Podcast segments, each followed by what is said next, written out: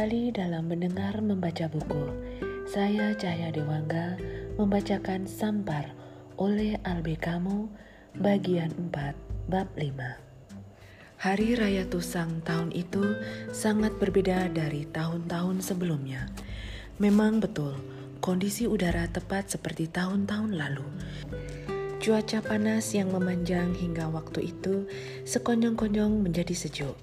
Seperti tahun-tahun lewat pula, angin dingin kini berembus tak berkeputusan.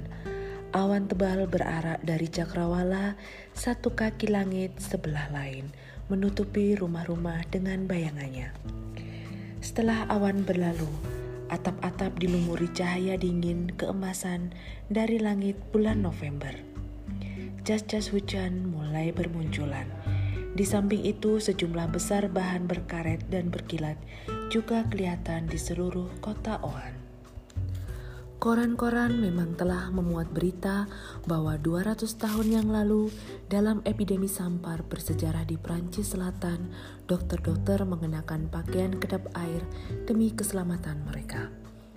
Toko-toko memanfaatkan berita tersebut untuk memasarkan cadangan persediaan pakaian bermodel kuno namun yang dianggap mempunyai daya kekebalan. Tapi semua tanda musim itu tidak dapat membuat orang-orang ingat bahwa kuburan-kuburan diabaikan. Pada tahun-tahun sebelumnya, trem-trem penuh bau kembang krisan. Bondongan wanita-wanita pergi ke tempat-tempat di mana keluarga dikuburkan dan menghiasi dengan bunga. Itu adalah hari di mana penduduk mencoba memberi imbalan kepada yang telah meninggal karena selama berbulan-bulan diasingkan serta dilupakan. Tahun itu tak seorang pun mau berpikir kepada orang mati, justru karena sudah terlalu banyak memikirkan mereka. Masalahnya bukan lagi mengunjungi kubur mereka dengan sedikit penyesalan ataupun kesedihan.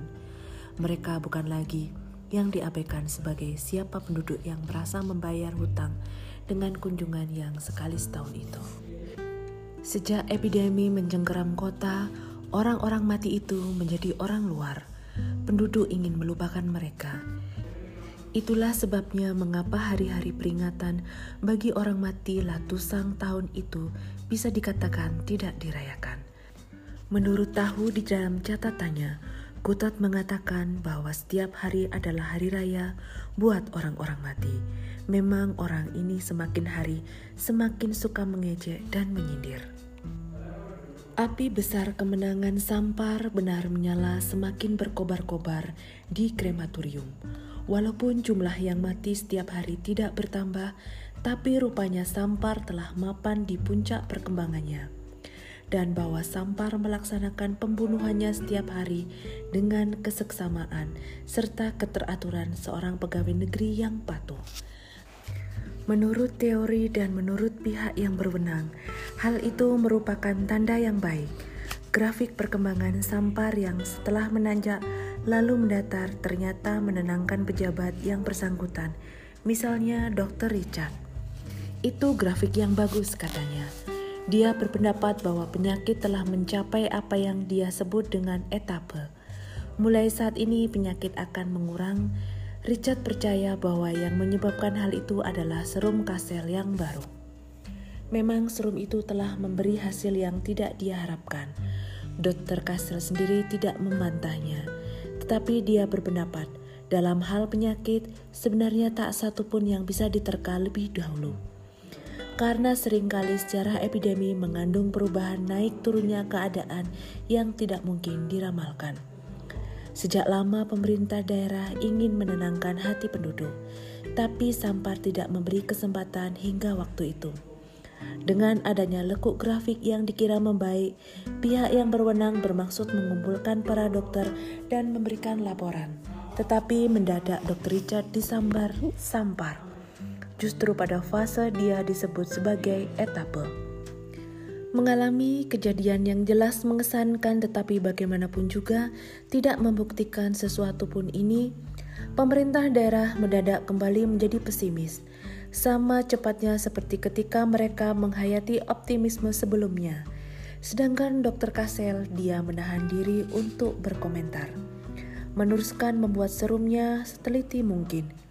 Hingga waktu itu tidak ada satupun tempat atau gedung umum yang tidak diubah menjadi rumah sakit atau perkemahan karantina. Kecuali kantor-kantor pemerintah daerah. Karena tetap diperlukan guna urusan administratif serta pertemuan rapat dan sidang.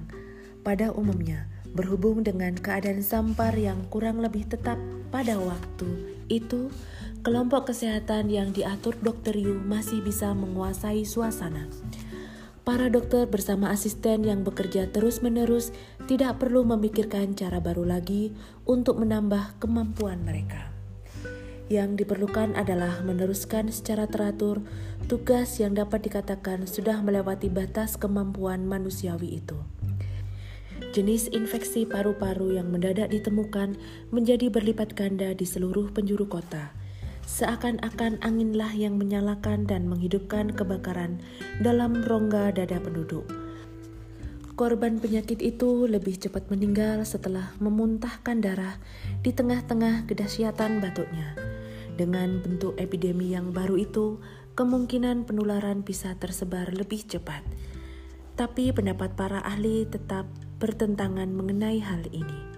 Meskipun begitu, untuk lebih meyakinkan, para petugas kesehatan masih terus mengenakan masker dari kain perban yang disterilkan. Bagaimanapun juga, pada kesan pertama, penyakit itu pasti telah menjalar luas. Tetapi karena kasus sampar bubonik mengurang, terjadilah keadaan yang seimbang. Namun demikian, ada kesulitan lain. Ini disebabkan oleh kesukaran pengadaan bahan pokok Semakin hari semakin gawat, maka muncullah spekulasi. Bahan-bahan kebutuhan pokok ditawarkan dengan harga setinggi langit. Oleh sebab itu, keluarga-keluarga miskin mengalami hidup sangat merana, sedangkan keluarga-keluarga kaya hampir tidak kekurangan sesuatu pun. Dan Sampar yang dengan politik kerjanya tidak membeda-bedakan serta seharusnya membuat semua penduduk berkedudukan sama, kini memberi akibat kebalikannya. Berkat permainan egoisme yang normal pada manusia, Sampar membuat hati penduduk lebih peka terhadap ketidakadilan. Tentu saja, masih ada kesamarataan dalam kematian, padahal tak seorang pun menghendaki kematian. Dalam keadaan seperti itu, si miskin yang kelaparan semakin terpikir ke arah kota-kota dan desa-desa tetangga di mana ada kehidupan bebas dan makanan yang tidak mahal. Karena pemerintah daerah tidak bisa menyediakan bahan makanan secukupnya, penduduk memperhitungkan, meskipun disertai nalar yang tidak sehat, bahwa seharusnya lah mereka diperbolehkan meninggalkan kota Ohan. Pendapat itu dinyatakan dalam rumusan tertulis di dalam kota, roti atau udara bebas atau diserukan ke arah pejabat pemerintah yang sedang lewat. Semboyang berisi sindiran ini menunjukkan tanda-tanda protes yang cepat bisa ditekan. Namun kesan kegawatannya tidak dapat diabaikan begitu saja. Tak perlu disebutkan bahwa koran-koran harus menuruti anjuran optimisme yang diperintahkan atasan. Bagi yang mau percaya, yang membuat keadaan menjadi khas adalah contoh-contoh ketenangan dan keberanian yang ditunjukkan penduduk dan dimuat di surat kabar. Tetapi di kota yang tertutup, di mana tak satu kejadian pun merupakan rahasia, semua orang mengetahui apa sebenarnya yang disebut contoh bagi masyarakat kota. Dan untuk mendapatkan gambaran tepat mengenai ketenangan serta keberanian itu, Cukuplah dilihat keadaan dalam karantina atau perkemahan pengucilan yang diatur pemerintah daerah. Karena secara kebetulan bertugas di tempat lain, penulis kronik ini tidak mengenal keduanya. Itulah sebabnya hanya kesaksian tahu yang disuguhkan di sini. Dalam buku catatannya, Tahu menceritakan kunjungannya bersama si wartawan Rombe ke satu dari perkemahan-perkemahan karantina ialah di stadion kota. Itu terletak hampir di pinggir kota, satu sisi bersebelahan jalan yang dilewati trem, di sisi lain dalam tanah kosong yang terhampar sampai ke tepi daratan tempat kota dibangun. Stasiun itu sudah dikelilingi pagar di dinding semen, sehingga tinggal menempatkan penjaga-penjaga pada keempat pintu masuk guna mempersulit pelarian. Dinding itu juga untuk menghalangi orang-orang luar yang ingin tahu, supaya mereka tidak mengganggu mereka yang malang di dalam karantina. Sebaliknya, penghuni karantina sepanjang hari dapat mendengar trem-trem lewat meskipun tanpa melihatnya dan melalui suaranya yang lebih gaduh bisa menerka apa yang ditarik. Juga dapat didengar jam-jam masuk serta keluarnya pegawai-pegawai kantor. Dengan begitu mereka mengetahui bahwa kehidupan yang mereka tinggalkan harus berlangsung beberapa meter dari tempat mereka. Dan bahwa dinding semen memisahkan dua dunia yang saling asing satu dengan lainnya, seolah-olah mereka berada di planet-planet yang berbeda. Tahu dan Rombe memilih suatu hari Minggu siang untuk pergi ke stadion itu. Mereka ditemani Gonzales, pemain sepak bola yang ditemukan kembali oleh Rombe setelah berpisah lama. Dan yang sanggup mengurus penjagaan stadion secara bergilir. Dia akan dikenalkan kepada pengurus perkemahan. Ketika bertemu hari itu, Gonzales mengatakan bahwa sebelum epidemi, pada jam itulah dia berganti pakaian untuk memulai pertandingan. Sekarang setelah stadion diambil alih, pertandingan-pertandingan terhenti sehingga dia menganggur. Dia memang kelihatan seperti kehilangan pekerjaan. Itu adalah salah satu sebab mengapa dia menerima tugas penjagaan dengan syarat dia hanya bekerja selama akhir pekan. Langit berselaputkan awan dengan penuh penyesalan dan hidung yang terangkat ke atas, Gonzales berkata bahwa hari yang tidak hujan maupun panas itu sangat cocok buat sebuah pertandingan. Sesuai dengan kemampuannya, dia membayangkan bau ramuan untuk pijat yang biasa tercium di kamar-kamar tempat ganti pakaian, tribun yang penuh sesak, seragam para pemain yang berwarna menyala di lapangan agak kecoklatan, jeruk yang dibagikan di waktu setengah permainan, atau minuman dalam botol yang terasa mempunyai ribuan jarum mencocok namun menyegarkan tenggorokan kering. Selain itu, Tahu memperhatikan bahwa selama mereka melewati jalanan pinggiran kota yang rusak, pemain sepak bola itu tidak hentinya menendang batu-batu yang ditemukan. Dia selalu mencoba mengarahkan tepat ke lubang-lubang selokan. Jika berhasil, berseru seorang diri, satu nol. Ketika selesai mengisap rokok, dia meludahkan puntungnya lurus ke depan, lalu berusaha menyambutnya dengan tenangan kaki. Ketika tiba di dekat stadion, sekelompok anak-anak yang sedang bermain tanpa sengaja melemparkan bola ke arah mereka. Gonzales keluar dari jalan, mengembalikan bola itu dengan tendangan yang tepat. Akhirnya, mereka memasuki stadion. Tribun sudah penuh. Seluruh lapangan tertutup oleh ratusan tenda merah. Dari jauh di dalamnya kelihatan ranjang-ranjang dan timbunan kain. Tribun disediakan sebagai tempat perlindungan dari udara panas atau di waktu hujan. Di saat matahari terbenam, orang-orang harus kembali ke tenda masing-masing. Di bawah tribun yang telah dibangun sejumlah kamar mandi, kamar-kamar tempat berganti pakaian yang telah dirombak menjadi kantor-kantor perawatan juga di sana. Kebanyakan penghuni karantina waktu itu berada di tribun, sebagian lain hilir mudik di pinggiran lapangan.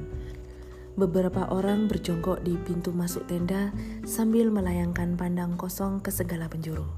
Di tribun banyak yang terhenyak bermalasan, kelihatan seolah-olah menunggu sesuatu.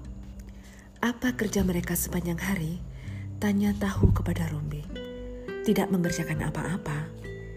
Memang hampir semua orang bertangan kosong, lengan tergantung di samping badan, menganggur. Anehnya permusatan kerumunan manusia yang sedemikian banyak tidak menimbulkan suara ribut. Ketika masuk di sini, mereka ramai, kata Rombe.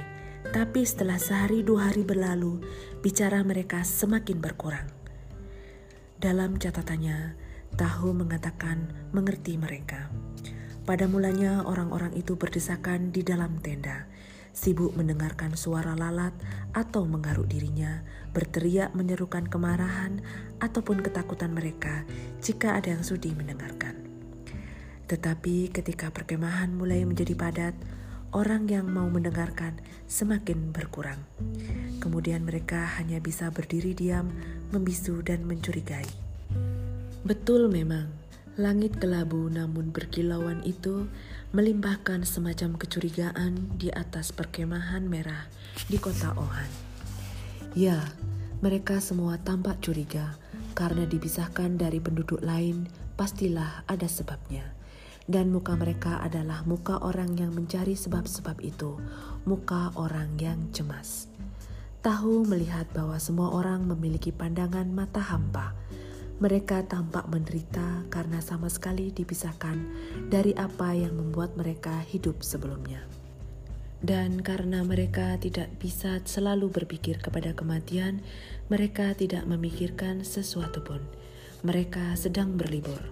Tahu menulis. Yang paling menyedihkan, mereka adalah orang-orang yang dilupakan, dan mereka tahu itu. Kenalan telah melupakan mereka karena memikirkan hal atau masalah lain. Ini dapat dimengerti. Demikian pula orang-orang yang mencintai mereka juga telah melupakan karena harus bersusah payah dalam rencana serta upaya guna mengeluarkan mereka. Karena terlalu memikirkan pembebasan itu, orang-orang yang mencintai tidak berpikir lagi kepada yang akan dibebaskan. Itu juga normal, bisa dimengerti. Dan akhir dari segalanya, kita menjadi sadar bahwa tak seorang pun benar-benar mampu berpikir kepada lainnya. Dalam kemalangan yang paling menyedihkan sekalipun, mereka berpikir terus-menerus kepada seseorang berarti memikirkan dia dari menit ke menit tanpa terputus oleh apa pun. Baik oleh kewajiban rumah tangga, lalat yang terbang, waktu-waktu makan maupun rasa gatal. Tetapi lalat-lalat dan rasa gatal selalu ada. Itulah sebabnya kehidupan sukar dijalani. Dan mereka yang terkurung di karantina mengetahui hal itu.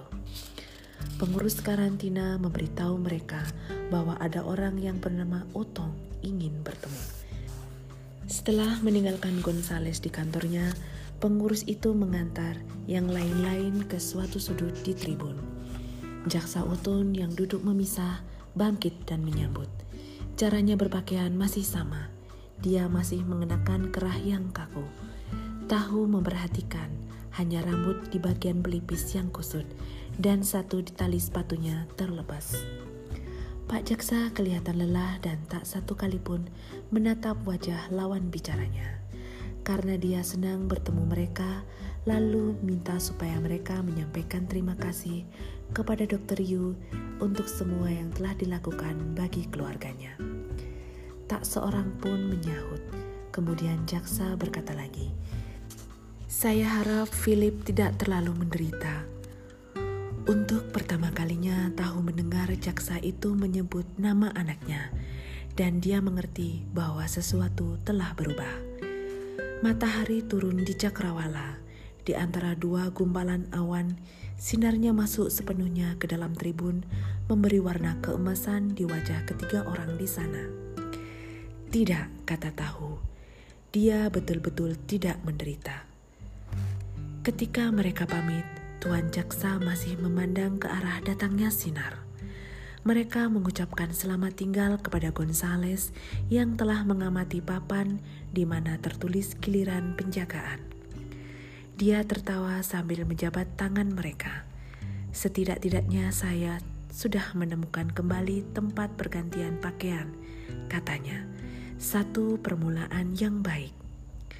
Beberapa saat kemudian, tahu dan rombe di antar pengurus karantina menuju pintu keluar ketika terdengar denting mengagetkan dari arah tribun. Disusul bunyi pengeras suara yang di masa-masa normal digunakan untuk mengumumkan hasil pertandingan atau penampilan nama-namarku. Di saat itu suara sengau memanggil para penghuni karantina agar kembali ke tenda masing-masing. Makanan malam akan segera dibagikan. Perlahan-lahan, dengan langkah terseret-seret, orang meninggalkan tribun menuju perkemahan. Sewaktu semua sudah siap, dua kereta listrik kecil, seperti yang biasa terlihat di stasiun-stasiun, datang melewati sela-sela tenda membawa panci-panci besar. Orang-orang mengulurkan lengan. Dua sendok besar menyelam ke dalam panci, keluar lagi untuk mengisi dua piring kaleng yang dipegangi lengan-lengan tersebut. Kendaraan meneruskan jalannya, berhenti lagi di depan kemah selanjutnya. Ilmiah sekali metodenya, kata tahu kepada pengurus karantina. Ya, sahut orang itu dengan suara puas sambil menyapat tangan mereka. Caranya memang ilmiah. Senja telah tiba, langit tersingkap. Perkemahan bermandikan cahaya lembut dan sejuk. Dalam kedamaian petang, suara sendok dan piring terdengar dari segala penjuru. Kelelawar bertebangan di atas tenda-tenda, lalu mendadak menghilang sebuah trem menyerukan kehadirannya di luar dinding. Ketika melangkah di pintu keluar, tahu berkuman. Kasihan jaksa Utong. Kita harus berbuat sesuatu untuk dia. Tapi bagaimana menolong seorang jaksa?